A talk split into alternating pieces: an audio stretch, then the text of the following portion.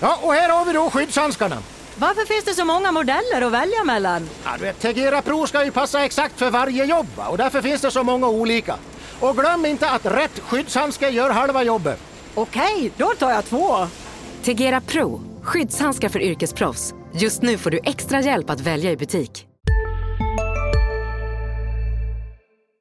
Mina damer och herrar. Nej, jag ska inte vara lika överladdad som du var i förra veckan. Men självklart är jag laddad. Vi har kommit till avsnitt nummer Fredrik Sjöström. Vilket nummer är vi då på? Ja, vi är på nummer 18.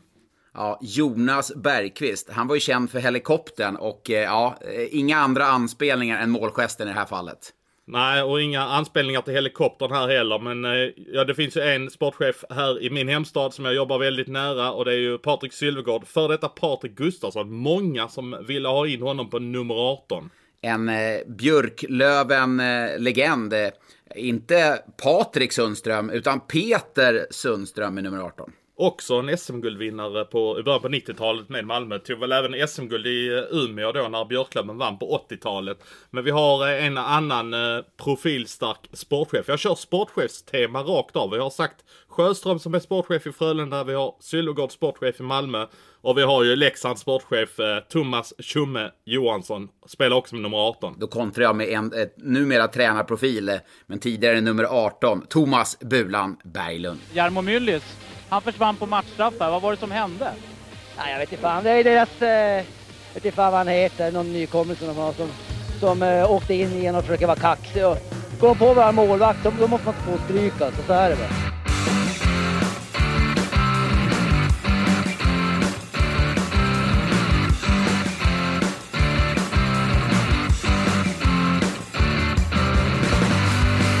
Vi har kommit 34 omgångar in i SHL-säsongen. Ja, 33 för två lag, HV71 och Färjestad. Men jag tycker det är läge att göra ett konstaterande och jag tänker överrumpla det här nu och säga att det finns bara tre lag som kan vinna SM-guld enligt mitt sätt att se på det. Okej. Okay. Och jag, jag drar av de tre lagen med en gång. Det är Frölunda, regerande mästare, Färjestad och Luleå. Inget annat lag kommer vinna SM-guld den här säsongen. Djurgården då? Djurgården, jag, jag, jag, jag hävdar att Djurgården har underpresterat till viss del på grund av skador, men där förväntar jag mig en ersättare som man har liksom aviserat för hela säsongen, en ersättare till Emil Bemström. Jag, jag skulle inte räkna bort Djurgården. Nej, det förstår jag att du inte vill göra med tanke på just det du nämner, att eh, de, där finns väldigt mycket kapital i eh, i laget. Jag såg dem här i lördags också. Men nej, jag hävdar rätt så bestämt att det, det, är tre lag det handlar om. Det finns inget lag som kommer rubba de eh, lagen över sju matcher. Jag har respekt för Djurgården och det var de jag tänkte på i första hand. Men det finns inget annat lag som kommer rubba de tre lagen. Ja, vi säger så här då. Frölunda möter Rögle i en kvart. Hej då Frölunda. ja, ja, ja, då, ja. Är ett, då är ett av dina lag borta. Luleå ställs ju då mot eh, Skellefteå säga, Skellefteå ja, precis. Ja. Skulle precis hej, säga då, hej då Luleå kanske. Då är det ingen, då, I det fallet är det ingen fördel att ha hemmaplan. Färjestad ställs mot, eh, vad ska vi säga, Djurgården då kanske? Ja, jag, jo, det, jag, det, det, det är väl de scenarierna vi ska, det är väl det som ska falla ut för att det här ska ske. Men jag ser, jag, jag kommer säkert få äta upp det här, men nu vill jag, nu vill jag drämma på här från början och säga att det är det är bara de tre lagen jag ser kan vinna SM-guld. Det är, det är för ojämnt och eh, det, det finns mycket spets i många lag, men inte över sju matcher. Man ska vara försiktig med de här. Kommer ihåg när vi satt här för två veckor sedan? Brynäs, 10 poäng bakom Växjö. Ja, och vad har hänt nu? De är en, en poäng. poäng bakom. Och jag sa att Brynäs kan glömma slutspel. Nu är man en poäng bakom. Det är ju vidöppet. Så att det kan ju hända, eh, hända väldigt mycket. Så att, eh, nej, det kommer det är nog 6-7 lag som kan blandas i där. Men det är klart att de tre du nämner är ju favoriter. Det är ju det är liksom ingen så här... Ja, jag tror att Ryan Lash kommer komma toppen av poängligan inför säsongen. Nej, nej, så, så det är ju inte, det är inte det jag sitter och säger här nu heller. Men uh, nej, Frölunda har förvisso vacklat en hel del här i SHL på slutet. Nu slog de ju Färjestad i uh, lördags och det var väl ett besked som de ville ha. Men uh, annars är det ju givetvis Luleå leder serien stort och Färjestad är ju en maskin de också. Men Sen har vi ju laget som uh, har gjort det bra, typ Rögle och uh, Örebro de här. Men jag ser inte riktigt att de ska uh, kunna klara det. Men visst, du målar upp scenarier som, som låter väldigt rimliga. Vi, vi, är långt fram i tiden, men nej, ja, tre lag kommer vinna SM-guld. Något av de tre lag vinner.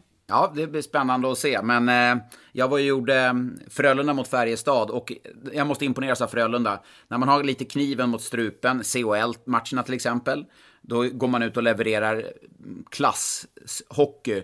Och man får ändå säga att det var kniven på strupen mot Färjestad i lördags. Fyra raka förluster och går ut och gör en, alltså en, det var en, framförallt, det var en riktigt, riktigt bra match. Färjestad, Frö, eller Frölunda-Färjestad, två grymt bra lag. Eh, och Frölunda där, Ryan Lash som bara klev upp och levererade.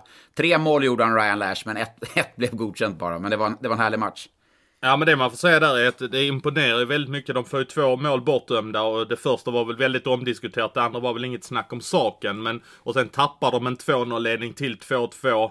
Tiden tickar på, kanske talar lite till Färjestads fördel om tiden rullar på i Skandinavium och så avgör de med fem minuter kvar. Ja, det är en jäkla styrka. Och vi, vi som har kritiserat domare, eh, första var ju omdiskuterat, det är den här regeln runt målgården som vi har pratat om. Andra, alltså jag är helt, jag är så bortblåst i den situationen så att det sjunger om det. Jag, bör, jag tittar inte på att det är någon handpass på Joel Lundqvist, utan jag är helt, jag tittar ju bara på om det är kontakt från Joel Lundqvist på Arvid Holm i målet. Min kommentering där är ju, den är svindålig, för jag, och, det, och, så börjar de visa repriser och jag ser inte den här handpassningen. Då är domarna, då ser ju en linjedomare som åker och säger det till huvuddomaren. Hur, hur hann de se det i den situationen? Jag, jag kollar på fyra, fem repriser, jag fortfarande inte ser det. Eh, så att, eh, det, var, det var, blev ett rätt beslut.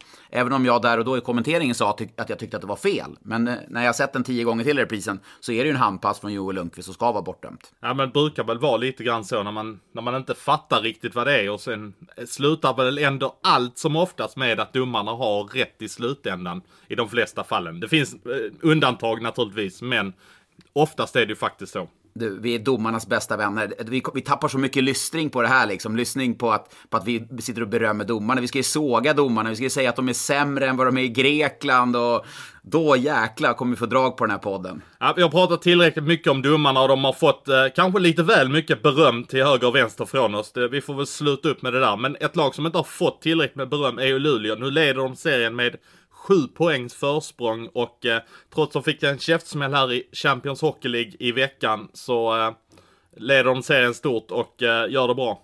Den här veckan, alltså den gångna veckan, eh, två matcher har man spelat. Vet du hur många mål det har varit på de matcherna? Två matcher som Luleå har spelat. Vad, vad vann de med? 5-1 eller vad ja, 20, blev det? Totalt 20, totalt 20 mål när man möter Rögle borta och HV hemma. Varav Luleå har gjort 13 mål. De har gjort 13 släppt in 7. Det, känns, det låter inte som Luleå direkt.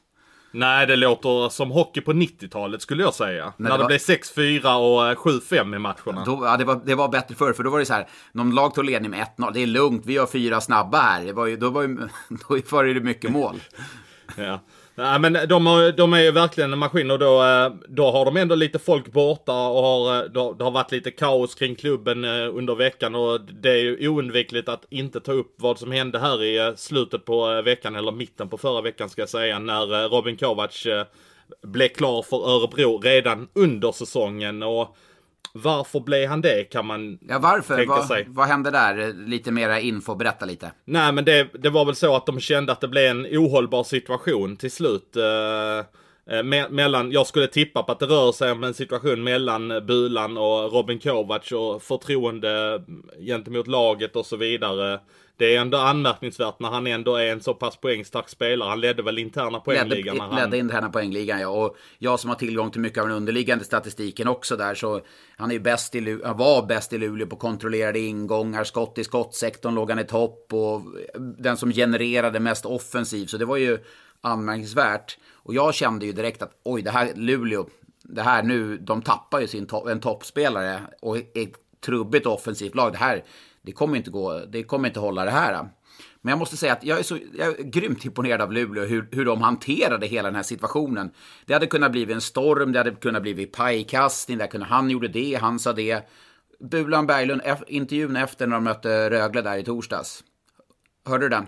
Ja, absolut. Ja, det var liksom efter att han, nej men han berömde Kovacs, tycker att han har varit jättebra och tråkigt att det som har skett, men han önskar honom lycka till och alltså han la ju en blöt filt över allt rök som låg och pyrde, utan det var ju bara, ja, nu går vi vidare, vi diskuterar det här längre. Nej, nej, men det finns ju ingen anledning för honom att, eh, att bränna mer energi på det egentligen. De, de hade gått ut och slagit Rögle, bara vräkt in en massa mål och gjort en bra match.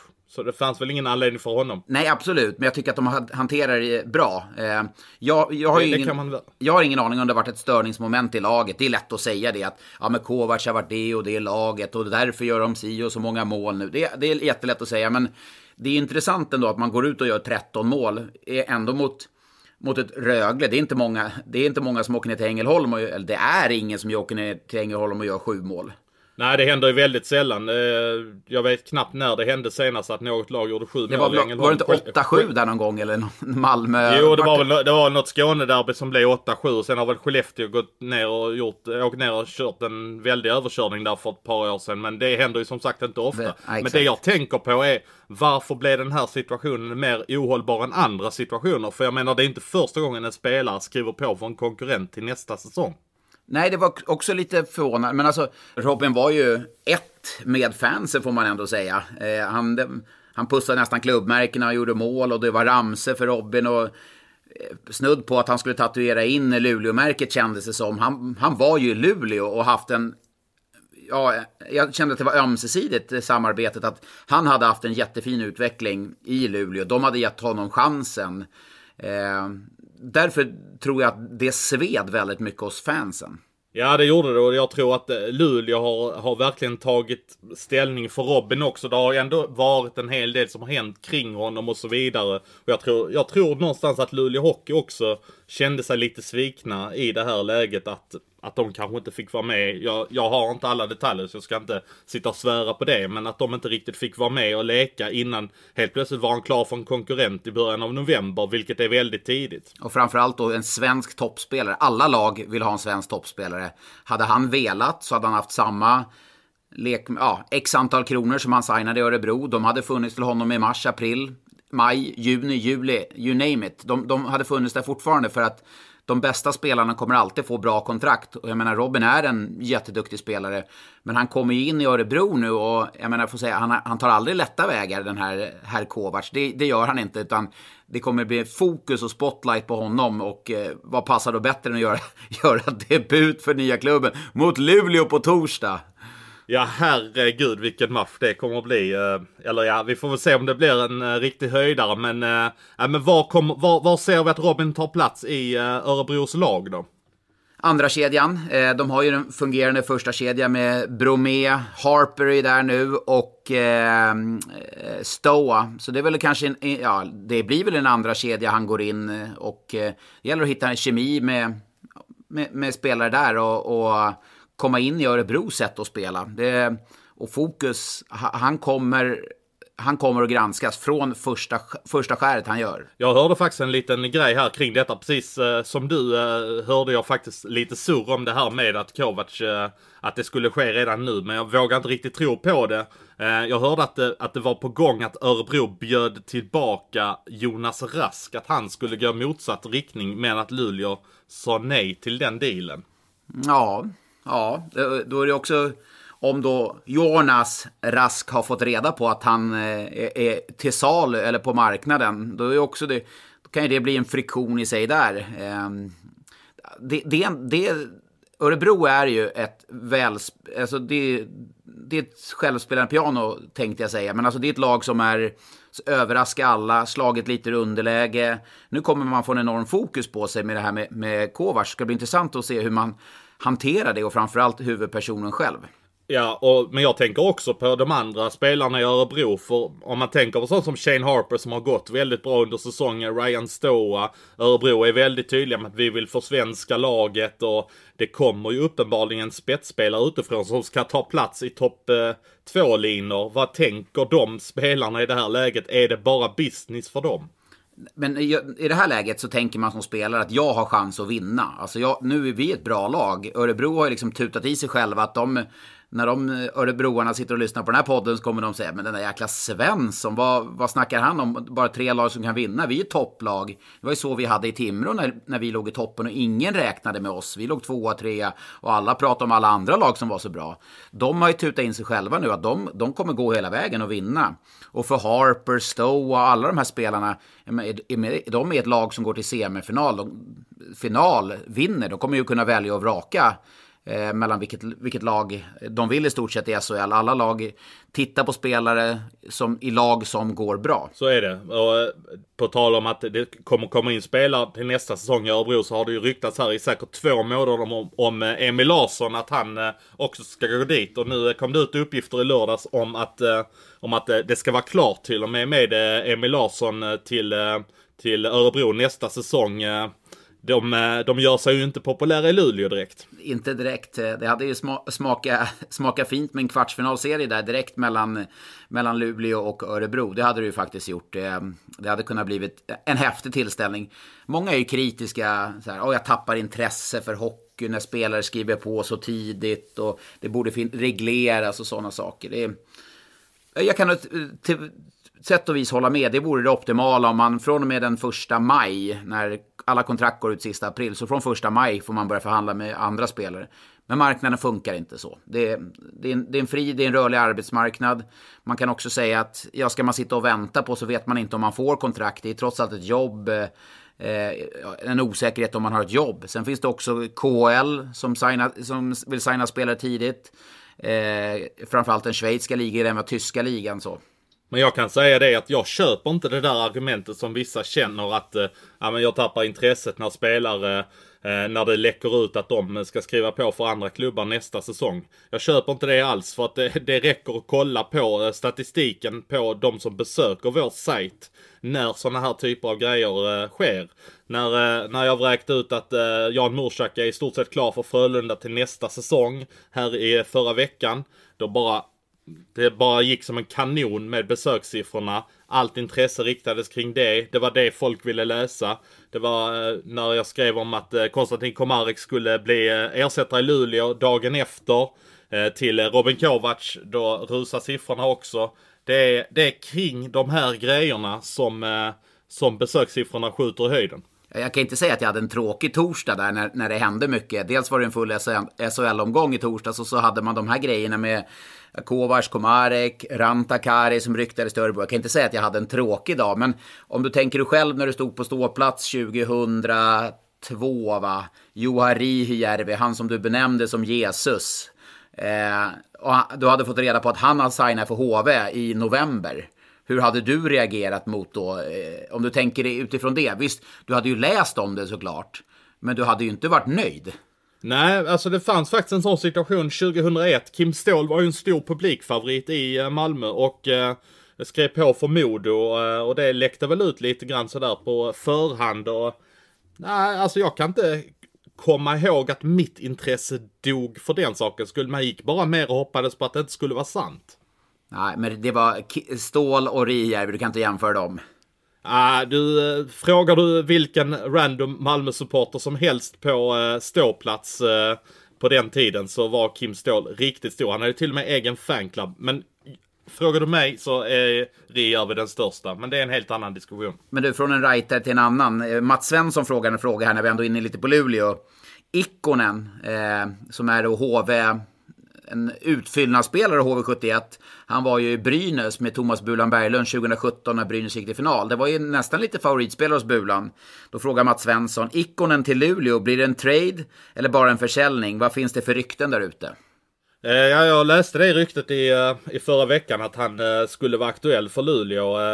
Jag har hört under en ganska lång tid att han ska ha cirkulerat på marknaden, Ikonen. Men det är inte helt enkelt för HV71 att bara fimpa iväg en spelare som dessutom har ett avtal nästa säsong och som inte alls har rosat marknaden. När det gäller Ikonen så är det ju intressant att han har en riktigt bra säsong i den svenska ligan och det är just den halva säsongen där med Bulan i slutet när Brynäs gick så bra. Men annars så känner man kring Ikonen, vad har han egentligen presterat? Kan han upprepa det? Ja. Men är det hållbart? Emil Larsson? Är det lika, kommer det hända det kom, nej, han, han sitter väl säkert där, Emil Larsson. Det är väl inte... Jag, jag, skulle säga det. Eh, Emil Larsson känns som en väldigt stark eh, alltså person, skulle jag säga. Jag tror han eh, står emot det. Han har inte stuckit ut lika mycket som Robin Kovac. Det är inte så att fansen har tagit till Emil Larsson till sitt hjärta, skyddat honom till varje pris som man känner att man har gjort kring Robin Kovac. Så jag tror inte det är några problem och jag känner att Emil Larsson är en väldigt stark person. Men de fick ju in, de ersatte ju ändå, om vi håller oss kvar vid Luleå, de ersatte ju med Konstantin Komarek som är man, man, glömmer lätt, han var sexa i poängligan i SHL i fjol. Han gjorde 22 poäng i eh, powerplay i fjol. Det var han och Ryan Lash som gjorde 22 poäng. Man benämner alltså honom och Ryan Lash i samma kaliber i powerplay. Det för mig genast in på det faktum att Malmö, jag har varit inne på det tidigare i podden, det, varför lyckas man inte med kreativa spelare? Nej, det är en väldigt bra frågeställning för att det börjar, man börjar kunna lägga dem på hög rätt ordentligt här nu. Eh, du har, eh, bara den här säsongen har du att Emil Molin försvann i höstas. Eh, du har Nikolaj Meyer som inte alls har rosat marknaden. Du har Komarek och sen har du ju en historia redan innan det med Andy Mealy till exempel som var kanske det skickligaste de har fått in de senaste 15 åren i laget. Och, och det är ett väldigt problem och det måste ju någonstans falla tillbaka på tränarna att, eh, att man inte får ut det man ska. Att man har ett spelsystem som är alldeles för, vad ska man kalla det, brunket systeminriktat. Ja, men skulle, ja, då är det andra sidan, skulle man släppa lite på det så skulle man kanske inte få ut lika mycket av Händemark, eh, Bryggman, eh, Storm. Bara de spelarna, det känns ju som de nästan överpresterar. Det är ju kanske lite på grund av det här, just det här systemet. Men ska Malmö ta nästa steg. Man, ska, man, kom, man kommer komma, komma jobba sig till slutspel. Man kommer gå till slutspel i år såklart, men åttondel på sin höjd kvartsfinal. Men ska man ta sig längre så måste man ju ha kreativa spelare som kan bryta mönster. Men du, på tal om Händemark, eh, han, eh, han leder en första kedja i Malmö just nu som kanske inte är den där riktiga första kedjan men eh, han var faktiskt på väg, han var inte på väg bort, men det fanns färdiga KL-bud på bordet på honom här under säsongen. Under? Ja, under säsongen så var det faktiskt ett färdigt bud på bordet till Malmö Redhawks eftersom han har kontrakt om att, att han skulle få gå till KL under säsongen. Men det skulle ju, Malmö hade ju Malmö hade tappat all sin trovärdighet. Jag skulle kunna stränka mig så långt som att SHL skulle tappa sin trovärdighet om man, om man under säsongen säljer en av ligans profiler, kaptener. Det hade ju varit, det hade varit nästan skrattretande om, om de hade gjort det. Ja, Växjö, de sålde ju eh, Geoff Platt till CSKA Moskva här för eh, ett par säsonger sedan och då gjorde de ju en riktig miljonaffär. Men det är ju som du säger, det handlar om en stor profil för ligan, en, en lagkapten. Det hade ju sänt sådana jättekonstiga signaler för sponsorer och allt annat eh, om, eh, om man hade släppt honom. Även om det säkert var lockande att plocka in en massa miljoner. Ja, men eh, som, eh, som om jag spelar i Färjestad där i... Ja, Rickard Wallin, ni ser, han, han är inte här på platsen idag. Han... Eh, vi sålde honom till eh, Dynamo Moskva här igår. det hade ju varit liksom... det, hade Nej, det, hade, det hade inte fungerat, men det var faktiskt en av Moskva-klubbarna som, eh, som var ute efter Händemarks tjänster här eh, under säsongen. Och, äh, då gjorde nog både Malmö och Händemark rätt. Men det är ju intressant för framtiden att det finns uppenbart ett intresse även från KL för Händemark som kanske inte har eh, varit så bra här under den senaste månaden som han var i, under hösten.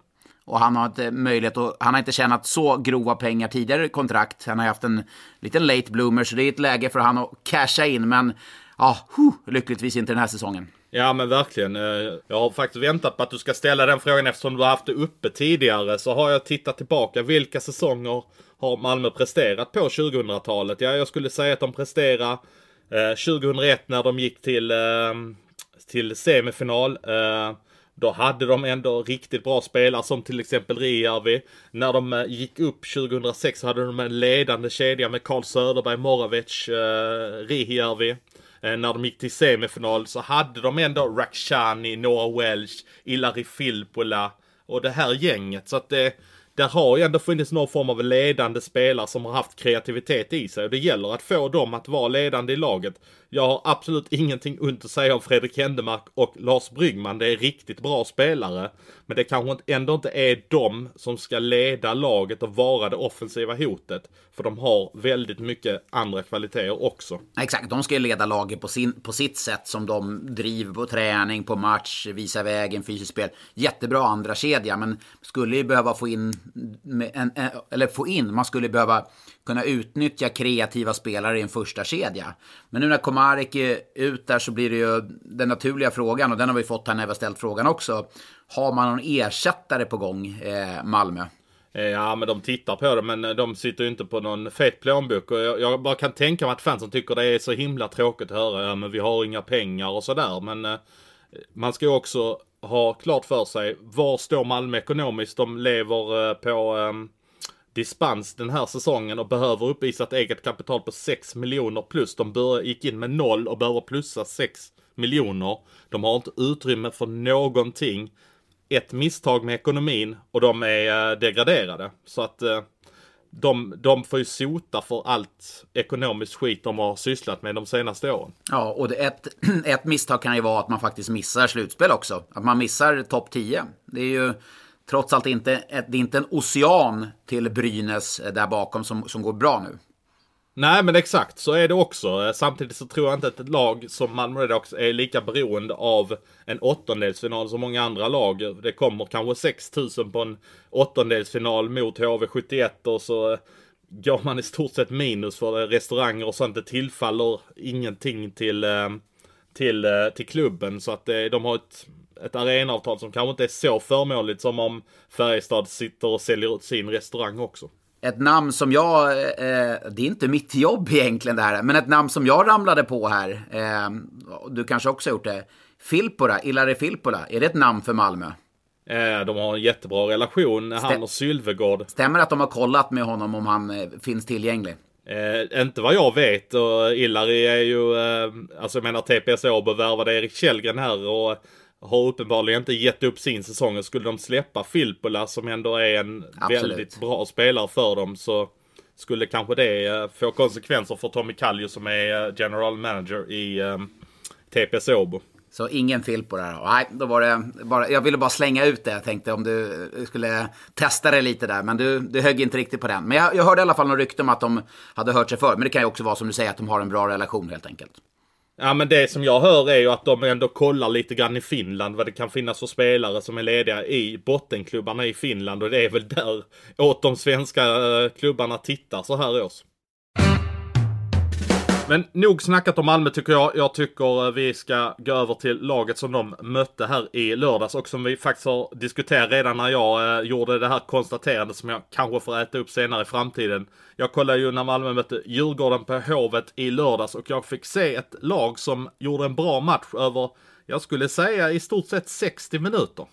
Är de, eh, ja, du har ju redan räknat bort dem. Du har ju räknat bort Djurgården. Det blir ju inget, inget guld för Djurgården. Eh, men jag tycker nu har man fått tillbaka spelare. Man har, alltså, nu mönstrar man den här succékedjan från slutspelet i fjol med Axelsson, Strandberg, Bergfors. Alltså det är ju en, det är en bra andra kedja. Och då har du fortfarande... Ja, det är en riktigt bra andra kedja. Då har du fortfarande namn, alltså Jakob Josefsson, du har ju Patrik Berglund, alltså det finns ju... Och Patrik Berglund är ju, han är ju en annan spelare än vad han var de 10, ja, 5, 20 första matcherna. Definitivt.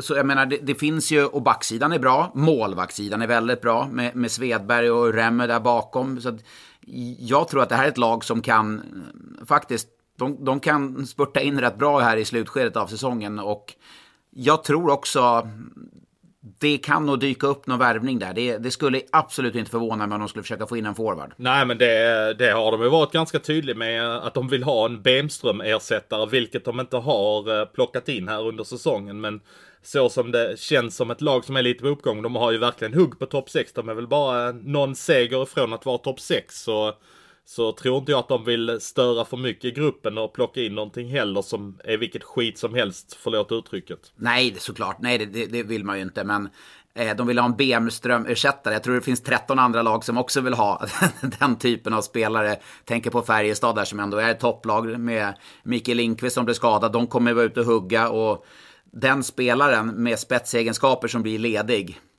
Kitching! Det är bara casha in. Det är bara casha in. Vad ligger lönen ja? Vad, vad, vad, ska så, man ha? Nej men jag skulle precis komma till det faktiskt för att jag, jag kollade runt lite på eh, vad det fanns lite på marknaden och sådär och vad, vad är det för spelare som har cirkulerat lite grann på borden hos eh, sportcheferna. Jag, jag fick reda på att den här finska eh, spelaren, forwarden som var i TPS Åbo förra säsongen, Ola Palve som är riktigt bra som eh, spelar borta i Nordamerika och spelat AL-hockey hela säsongen. Att han skulle ha en miljon i handen för att komma resten av säsongen.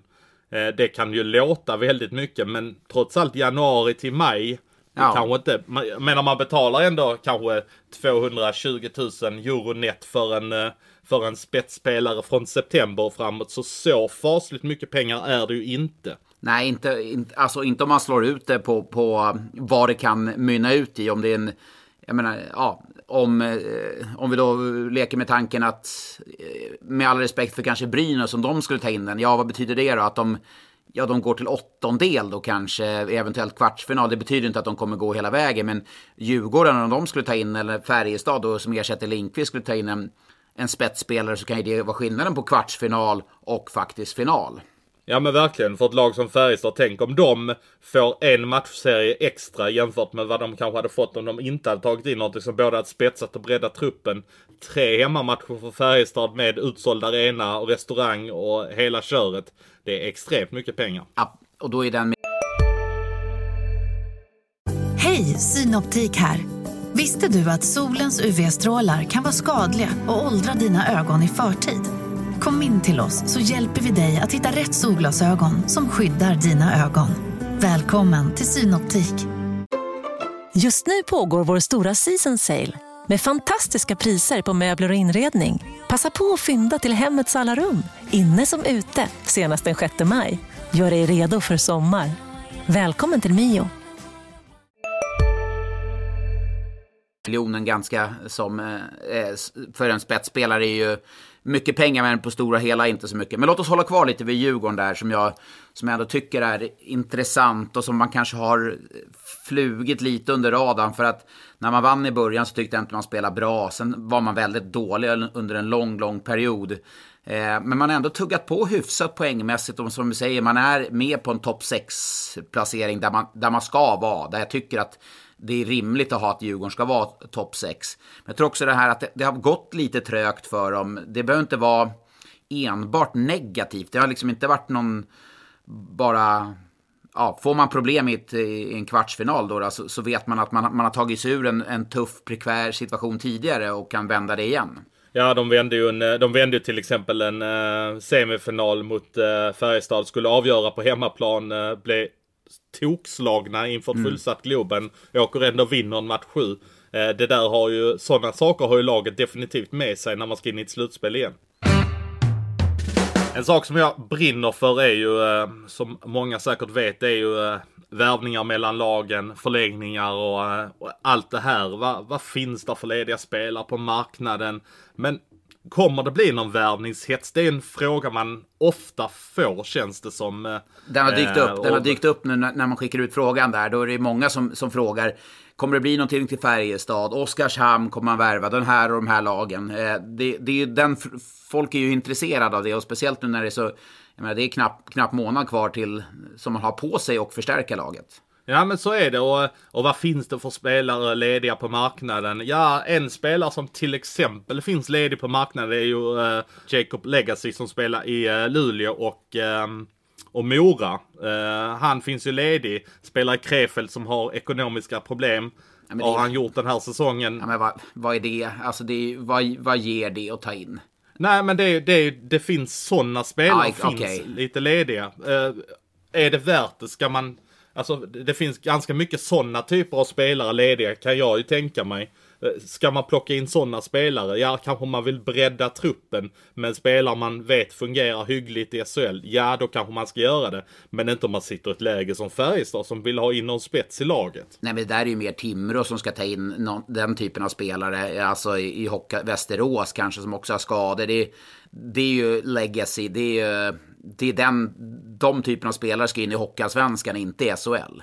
Nej, jag, jag köper vad du säger för att tittar man på hans stats så, eh, så är det ju eh, det är inte så våldsamt mycket produktion på en sån spelare. Han var ju grymt bra när han kom fram i Asplöven men sen har han ju faktiskt inte presterat det i SHL. Han fick väl tre säsonger på sig tror jag. Nu, nu, han var bra i Asplöven. Vem var i Asplöven då? Ja, det var ju eh, Jesus och eh, ja, det var lite roligt eh, där. Vi, jag, eller jag, jag ska inte säga vi, för jag tänkte säga vi från början, men det var jag faktiskt som, eh, som inte var så imponerad av eh, Tyler Wessel Nej, och den här veckan. Who is this, who is this levererat. mad hockey guy? I'm gonna show, that, I'm gonna show him. Det var ju som eh, Abbott där. Så att nu, nu har vi fått förfrågning att vi ska såga folk här. Spelare hör ju av sig till oss och sa såga mig så jag får den här Wessel och Abbott-utvecklingen. Ja men eh, har du någon i, något S i rockärmen nu? Fick ju du Abbott och så tar jag, tog jag Wessel så har du någonting att komma med här nu då? Uff, oj, oj, oj. Ja, jag är på rak arm. Jag, vet vem... Ja, jag, jag har ju sågade ju Tyler Keller där i början på säsongen också. Så att eh, vi, har ju, vi har ju varit rätt ute fast ändå grovt fel ute många gånger. Men låt oss hålla kvar vid legacy då. Skulle inte det kunna vara en spelare för Björklöven då med tanke på... Han var i Asplöven med, med Per Kente då. Eh, är det en naturlig koppling? För det har också fri, frågan dykt upp. Eh, ska Björklöven värva? Ja, är det... Är det läge för dem när de ändå går som en... Eh, de går som tåget? Eh, ja, men Björklöven de är ju faktiskt sjukt bra. De, eh, de slog ju Timrå här med 7-2 i fredags. Jag blev lite chockad när jag såg det resultatet. Jag såg tyvärr inte matchen, men de är ju verkligen klara för att vinna den här allsvenska serien. Men frågan är vad, vad som skulle hända. Ja, då har man ställt sig lite grann här när Kent har plockat in spelare efter spelare. Vad händer med laget när de plockar in? Det var Wessel kom i höstas, sen var det Weigel och sen var det Ulle Liss. Men maskinen kuggar ju fortsatt på. Så, men det finns ju ändå en gräns. Legacy skulle ju ta plats högt upp i laget till exempel. Ja, men jag tror, ska man, nu- ska man värva, då ska man ha en riktig... Det, det, är, kanon, det är en kanon du ska, in, du ska in nu. Det är en, liksom en solklar första kedjespelare. Annars tycker jag man ska bara bygga vidare på det här laget eh, som de, som de spelar. Och man bara, om man bara blickar Linköping, Leksand eller Oskarshamn, något av de lagen kommer det bli. Alltså tänk dig Björklöven mot Linköping. Alltså jag, jag, jag, jag, jag sätter ganska mycket pengar på Björklöven då kan jag säga.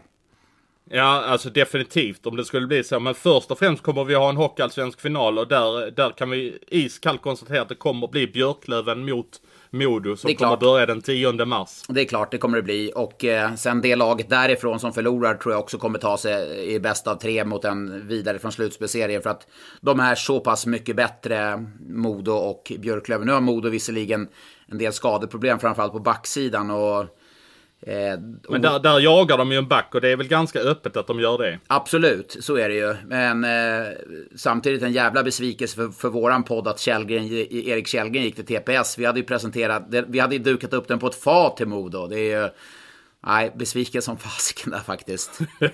ja.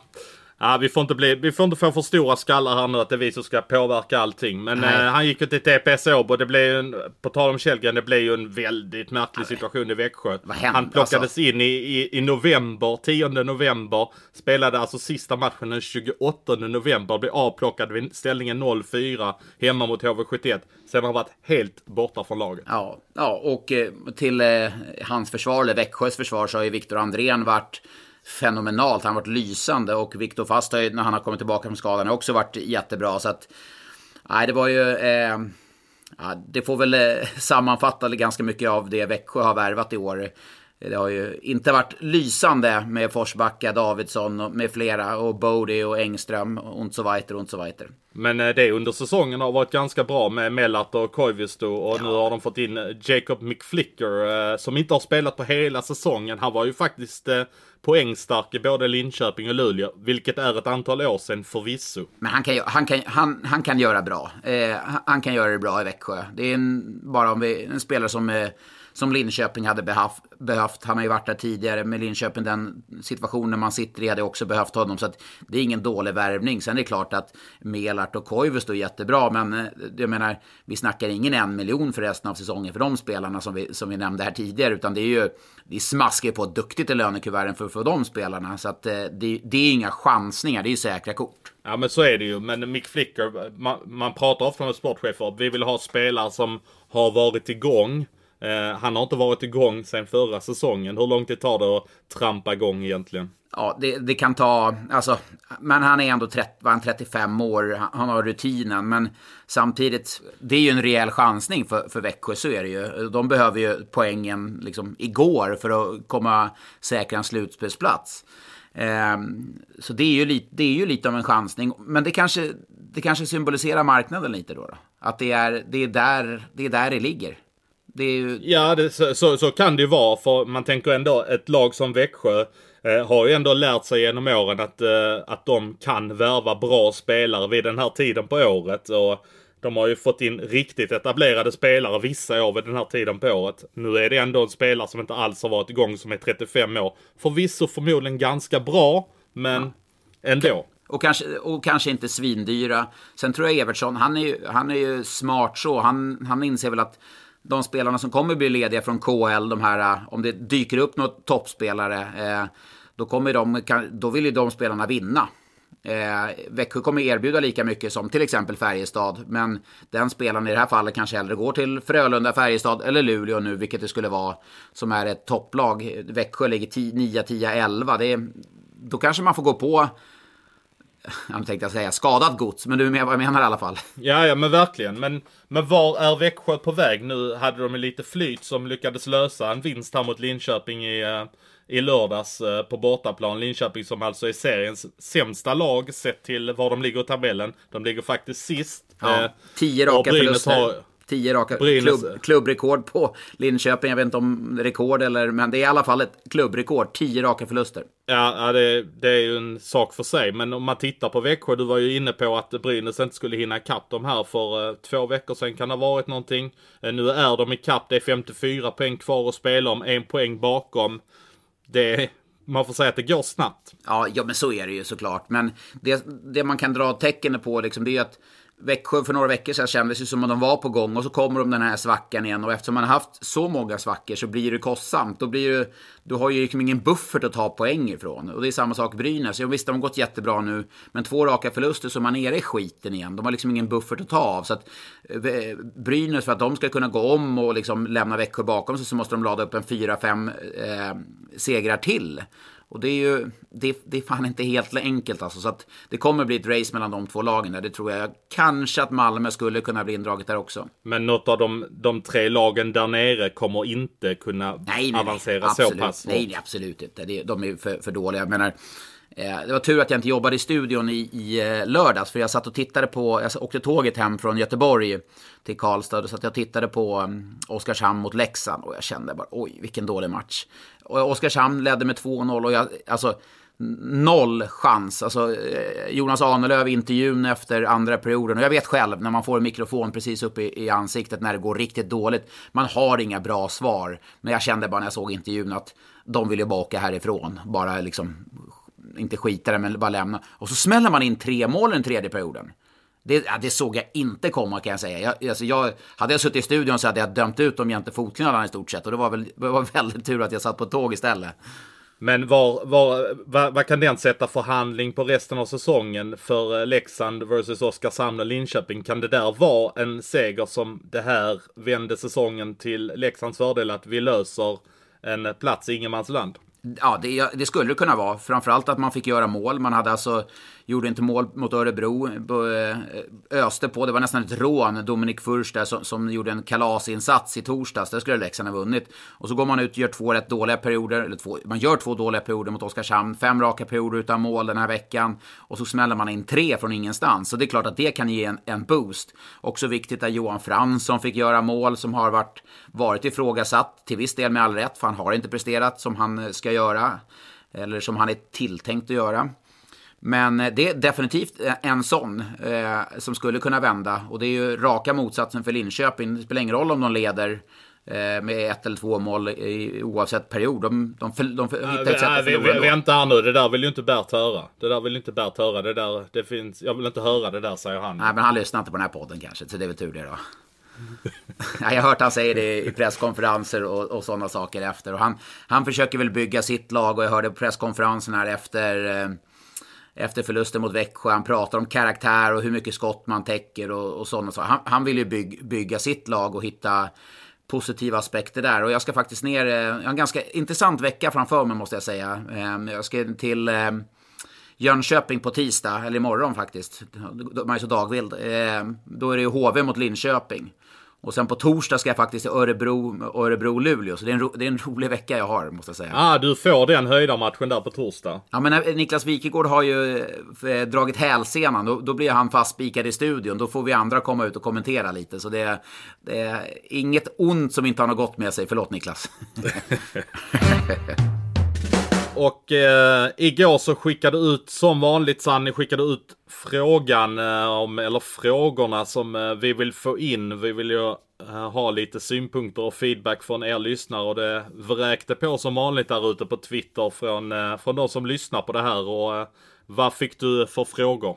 Ja, det, det, det, ramlar in och det är härligt. Och jag envisa människor, det ska, be, det ska belönas. Och Gustav Schmafeld Stenberg här, han frågar, han har frågat den här frågan tidigare. Varför spelar inga ryssar i SHL? Och då, den, egentligen, ja, Sergej Fokin, det var ju många år sedan. Men vill jag minnas att Malmö tog in eh, Sergej Fedoros brorsa?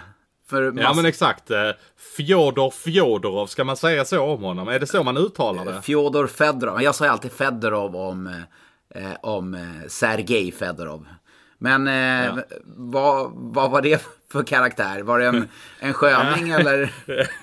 alltså det var ju faktiskt en sköning så. Alltså han var ju väldigt obrydd och tog allting med en klackspark. Men man kan titta tillbaka, vad har vi haft för ryssar i, uh, i SHL kanske? Ska vi säga på 2000-talet? Ja, vi kan säga Jan Golubowski i Leksand. Så kommer vi konstatera att aldrig mer kommer komma in en ryss i Leksand. Och sen så kan vi ta uh, Fjodor Fjodorov i Malmö så kan vi konstatera att det kommer nog inte komma in en ryss, åtminstone på väldigt länge i Malmö Redhawks heller. Och jag tror att det är lite så att ryssar, eh, det kanske finns fördomar kring dem. Där är faktiskt en ryss i eh, Almtuna just nu eh, som eh, blev mästare med Tony Mårtensson, som Tony Mårtensson har eh, plockat eh, dit nu ju.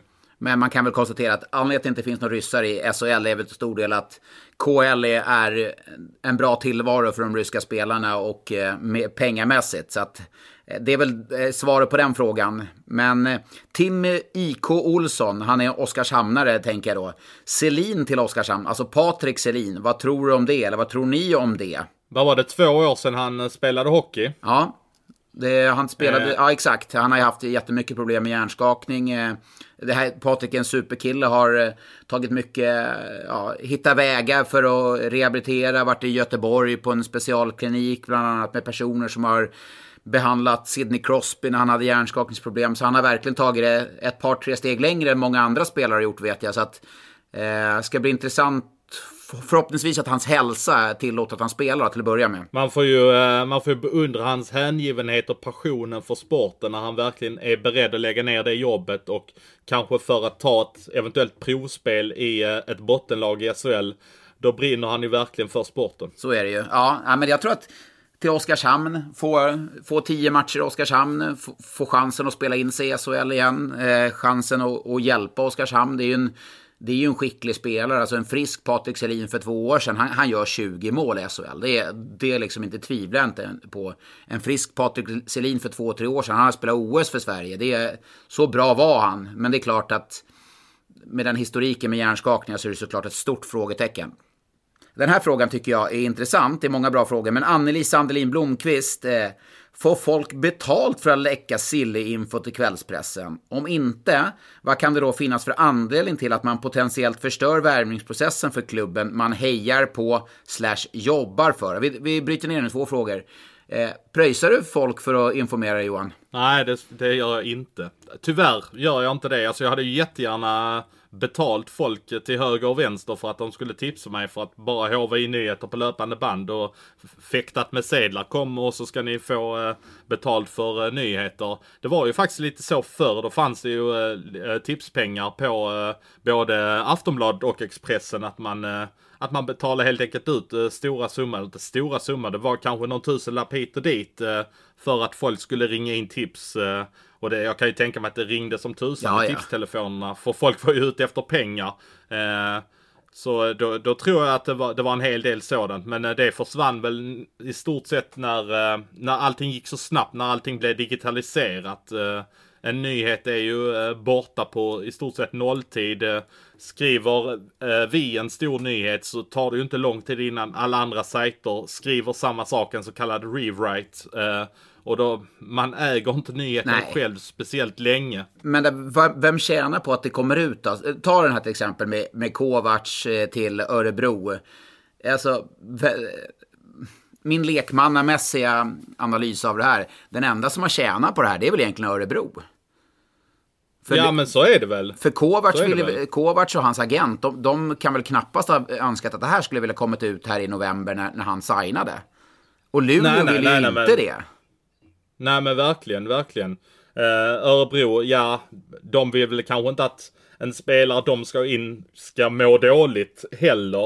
Eh, vilket kanske kan ske och börja underprestera. Såklart, ja, absolut. Men jag tänker att Örebro, ja, nu, nu, nu ska jag inte hänga ut någon, men ett lag som vill etablera sig då, som vi säger, som Örebro vill, som, eh, som tydligt går ut med att säga att de vill för, försvenska laget, få in fler svenska spelare, etablera sig i toppen. Om då, signalvärdet när det kommer ut att man, ja men vi har signat eh, Robin Kovacs och så, nej vi har ingen kommentarer, men det är en duktig spelare. Vi har signat Emil Larsson, nej vi har inga kommentarer. Signalvärdet är ju till de alla andra spelare oj, Örebro. ja men det bygger, det bygger ju intresse eh, kring eh, Örebro Hockey från eh, deras fans och sponsorer och det gör ju en markering för eh, deras marknadsavdelning att wow nu är det saker på gång nu, nu får ni trycka in eh, 100 000 till i ert sponsorskap om ni ska vara med på det här tåget. Så det är klart att det sänder sådana signaler men det, alltså jag tror att det finns någon form av gentleman agreement mellan sportcheferna att man, man ser till att hålla det tight eh, mellan varandra och inte för man tjänar, man får ju tillbaka sådana grejer förr eller senare. Jag hörde för några år sedan, för fem sex år sedan, så kom alla sportchefer överens eh, sinsemellan att man skulle ringa till varandra och säga att jag är intresserad av din spelare och kommer kontakta honom. Eh, och då var det ju flera som, eh, som gjorde så eh, sinsemellan. Jag tror det var Linköping som, eh, om det var Fredrik Envall som hade ringt till Lars Osten Bergström och sagt att han var intresserad av en spelare. Jaha, sa Lars Osten Bergström. Sen har han ringt eh, tillbaka till Envall dagen efter och sa att jag är intresserad av alla dina spelare. Så jag vet inte om det, det kanske dödades där då. Jag vet inte om det var det. Men det kändes väldigt mycket Osten i alla fall. Eh, Ja men det är intressant det Anneli säger också att eh, vad finns det för anledning om man potentiellt skulle kunna spräcka en övergång? Eh, här tänker i alla fall jag så eh, i stort sett alla fall att här vill jag vara nästan till hundra på att övergången kommer äga rum innan jag är beredd att läcka den för att annars så är det jag som står där med rumpan bar och, och har liksom och har läckt en övergång som inte blir av så att säga. Jag kan ju aldrig bevisa att den var på gång där, Så därför är jag väldigt noga med att jag vill få saker så nära klart eller klart som möjligt innan jag skriver någonting i alla fall. men då går det ju bom om många grejer också tänker jag. Ja men det gör jag, men det tycker jag faktiskt är värt att göra för att man vill ha en trovärdighet i det man gör. Eh, trovärdighet och AIK. Det, eller trovärdighet, det för mig genast in på AIK tänkte jag säga. Joakim har en fråga här om AIK. Om du hade varit tränare för AIK, AIK Hockey, hade du börjat jobba för att förbereda gru- gruppen inför ett stundande kvalspel eller avvaktat och fortsatt tro på att man hade kunnat hämtat in försprånget till lagen ovan? Ursäkta, jag skrattar. Ja, alltså, Nej, jag, ja, jag hade men nog ja, det- det- förberett dem på kval i alla fall. Ja, ja, men det kan man väl lugnt säga. Vad är de nu? 16 poäng efter tror jag att det handlar om. Eh, som man har upp till säker mark. Det, det är ju klart att AIK kommer att kvala och det är jag är helt säker på att eh, sportsliga ledningen AIK Hockey också är inställda på. Så att ja, man har full koll på division 1-lagen. Då blir det Bobo-effekt i kvalet kanske.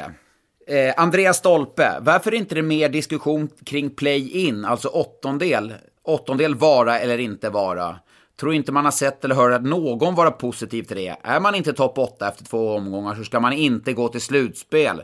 För mig är det större fråga än upp och nerflyttning. Ös på nu Svensson, du gillar ju... Ah, är du en eh, play-in-fan eller inte? Nej, det skulle jag väl inte säga. Jag tycker, att det, jag, jag, jag tycker väl att det, är- det blir liksom de åtta bästa, det skulle spetsa till det lite ännu mer. Och när slutspelet börjar, då är det skarpt läge direkt. Nu, nu är det åttondel, bästa av tre, det är rätt ovisst och så går man och väntar. Nej, bort med det skiten tycker jag. Ja, alltså jag köper det fullt ut. Eh, men samtidigt när de matcherna pågår så sitter man ju ändå lik förbannat och tittar på det och kan tycka det är lite intressant att eh, när Rögle mötte HV71 här i våras, nu har det kommit igång, men ändå inte. Så ja, jag hade inte haft någonting emot att, eh, att det försvann, men jag, jag bryr mig inte heller om det tuggar på. Det är kanske mer störigt för de lagen som får eh, vänta och köra en träningsvecka. Men det intressanta där tycker jag är faktiskt att i samband med att de är igång så är ju den hockeyallsvenska finalen igång. Och tittar vi tillbaka på det var förra året så satt jag ju mer laddad när AIK mötte Oskarshamn än vad jag gjorde Ja, även när kvartsfinalerna var igång. Eh, jag taggar egentligen inte igång på slutspelet förrän det är semifinaler. Men tänkte det, ja det kommer ju vara, det kommer hamna hyfsat i skuggan nu om det blir Björklöven mot Modo i, eh, i Hockeyallsvenska finalen. Då kommer ju de här eh, åttondelarna hamna i skugga rejält. Och då får vi hoppas att det kanske blir till och med nådastöten för dem. Vi tar en sista fråga här som både Mattias Andersson och Patrik Edlund har, Edling har ställt. Eh, Brynäs, är Brynäs spel verkligen bättre sedan Sundqvist fick sparken? Frågar Mattias Andersson. Och Patrik Edlin är inne på samma sak. Om det är en tillfällig effekt efter att Sundqvist fick gå. Eller kan vi vänta oss att se Brynäs som faktiskt spelar ordentligt i matcherna framöver? Eh, ja, alltså det är klart att det det har blivit en effekt när man sparkade Sundqvist. Jag tycker att man spelar bättre också. Jag tycker att man är mer kontrollerade i sitt press och styrspel när man ska gå och när man ska ställa upp, vilket gör att man är mer samlad. Eh, man är, spelar ur bättre ur egen zon. Man gör de här detaljerna. Sen tycker jag också att Sigalet har lyft sig. Greg Scott, Rödin, de här bärande spelarna, de har varit liksom de har varit toppspelare i SHL i stort sett så Sundqvist fick sparken. Och det är en stor anledning också att man har har tagit fyra raka segrar. Nej, nu är det slut på frågor. Nu äh, känner jag att nu vill jag ta ledningen över dig. Det står 13 lika, så nu, äh, nu får du utmana mig tycker jag. Det är 13 lika alltså. Spänningen är olidlig. Det är ju... Jag var ju reka lite här på Clearing Hotel Sign också. I torsdags bodde jag där. Det kan bli bra för en livepodd. Det finns eh, klara möjligheter för att göra en bra... Eh, göra det bra. Så det, det hoppas jag att vi får ett avslut på den här premiärsäsongen, får vi säga, i, i där någon gång i slutet på april, början av maj. Ja, men det är intressant. Jag bodde också där i helgen, så att eh, det är ett bra hotell. Ja, du bodde väl några våningar högre upp tänker jag, men du har väl no, någon plus platinum, eh, något sånt där superkort. Men strunt i det. Det är ingen fördel när man ska försöka slå mig på Elite Prospect-spelaren. Är du redo? Ja, jag är redo. Papper och penna. På fem poäng. Den här spelaren har vunnit, eh, vunnit guld i J18, i J20 och Calder Cup. Vet du vad Calder Cup är? Ja, det är AHL-slutspelet va? Ja, AHL-slutspelet. I sitt enda JVM eh, så, slutade, så slutade hans lag, då, alltså laget på andra plats. Vunnit Calder Cup. Ja, man vet väl några stycken som har gjort det i alla fall. Eh, men jag vet ju ingen anledning. Jag vet ju inte nationalitet eller någonting så att jag får Nej, nog det är en svensk, på det är en svensk spelare. Svensk spelare kan jag säga då. Som har vunnit okay. J18 och J20 guld här i Sverige. Och Calder Cup då där borta i eh, AL. Och spelade JVM för Sverige såklart och då slutade Sverige tvåa. Um, nej, jag får... Um, jag får... Um, ja, det är för brett för mig det här. Vi kör fyran. Uh, han lämnade Hockeyallsvenskan och gjorde sin första SHL-säsong i fjol. Det ledde hela vägen direkt till Tre Kronor och ett NHL-kontrakt som han nu är utlånad ifrån. Oj, oj, oj, oj. oj. Så han är alltså utlånad den här säsongen från sitt NHL-lag. Eh, ja. Eh, och kom från Hockeyallsvenskan till SHL förra säsongen? Ja, eller? exakt. Inför i fjol så gick, lämnade han eh, Hockeyallsvenskan. Så i fjol var han rookie i SHL. Och det ledde hela vägen till Tre Kronor och ett NHL-kontrakt. Nu sitter det folk ute och jag vet, jag vet, ja, jag ja, vet. Men jag vet inte så att jag, ähm, jag får nog ha trean tyvärr. Tre poäng. Efter semifinalförlusten i fjol anslöt den här backen till Charlotte Checkers där han vann Calder Cup. Uh, semifinal, vilka åkte ut i semifinalen förra året, det gjorde ju uh, Färjestad och um, Nu, nu, är jag, nu är jag stressad. Nu är jag stressad Nej, på riktigt. Ta det här. lugnt Svensson. Det behöver inte vara stressad. Men jag, nu är jag helt borttappad på vilka som åkte ut i semifinalen här förra året. Oj vad stressad jag blev. Nu är jag lika stressad som du var förra veckan. Jag ser det. Jag. jag ser det. Jag ser en röd ton på dina kinder. Uh, mest för att jag inte kan säga vilket lag som åkte ut i semifinalen förra året, vilket är helt sjukt. uh, men Frölunda, var, ja, det var ju Luleå och uh, ja, men nu, nu gick det upp en klocka för mig. så, nu skrev jag bara efternamnet yep, där. Jag har fått ett svar på tre poäng. Två poäng. Den här spelaren är steket just nu och det enda sättet att stoppa honom antar jag att Anthony tyckte vara att huvudtackla honom. Nu kände jag mig väldigt bekväm. Det var ju faktiskt väldigt skönt att det gick upp en klocka för mig på trean. Ja, det, den röda färgen har lagt sig lite i ansiktet. På en poäng. Han är en toppback i Luleå som förra veckan svarade för sex poäng på två matcher. Ja, denna Jesper är en av seriens bästa backar. Och då pratar vi om eh, Jesper Sellgren som gick från eh, Modo till Luleå eh, inför förra säsongen. Ja. ja, och han på rätt svar alltså. För eh, på fem poäng då, han, han vann alltså J18 och J20 guld. Han vann ju Calder Cup då efter säsongen med Luleå i fjol. Och i sitt enda JVM så slutade man tvåa då, där man förlorade med Kanada i finalen. Och han lämnade Hockeyallsvenskan och Modo som du var inne på. Första SHL-säsongen i fjol. Fick spela direkt till Kronor. Eh, och fick ett NHL-kontrakt med Carolina Hurricanes. Och efter semifinalen i fjol med Luleå då anslöt han till Charlotte Checkers där han vann Calder Cup. Och han är ju steket just nu. Sex poäng på två matcher då i SHL den gångna veckan. Och Anthony, det var han Camara som fick fem matchers avstängning när han försökte tackla huvudet av honom i lördags. Ja, är du nöjd eller? Ja. Det, var, det, var en bra comeback ändå tycker jag. Jag, jag. jag, hade det på en gaffel där tänkte du, det här kommer du aldrig klara på... på eh, Nej, när, när, man väl är inne på en, uh, i en ond spiral i det här, då, då är man ju borta. ja, när du börjar prata om Calder Cup-vinnare så tänkte jag på Kristoffer Nilstorp direkt faktiskt. Men han, var, han gjorde ju inte debut i SHL förra säsongen om vi säger så. Nej, men då har man, snö, då har man snöat in sig på ett spår där så man har svårt att liksom komma, komma bort ifrån. Ja nej, men du revanscherar det bra. Då är det alltså 16-13 inför kommande måndags eh, Elite Prospect-spelare. Jajamän, då ska vi se om vi kan sätta dit dig ordentligt. Om du ska bli nollad eller kanske ska vi bjuda dig på något sätt. Vi får se vad som händer. Men du, eh, vi tar och eh, avslutar där och så tackar vi för eh, den här veckan och så på återseende nästa måndag.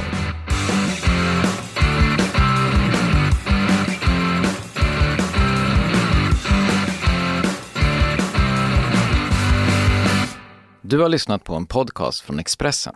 Ansvarig utgivare är Klas Granström. Upptäck hyllade XPeng G9 och P7 hos Bilia. Våra produktspecialister hjälper dig att hitta rätt modell för just dig. Boka din provkörning på bilia.se xpeng redan idag. Välkommen till Bilia, din specialist på XPeng. På Sveriges största jackpot-kasino går hypermiljonen på högvarv. Från Malmö i söder till Kiruna i norr har hypermiljonen genererat över 130 miljoner exklusivt till våra spelare. Välkommen in till Sveriges största jackpot-kasino, hyper.com. 18 plus, regler och villkor gäller.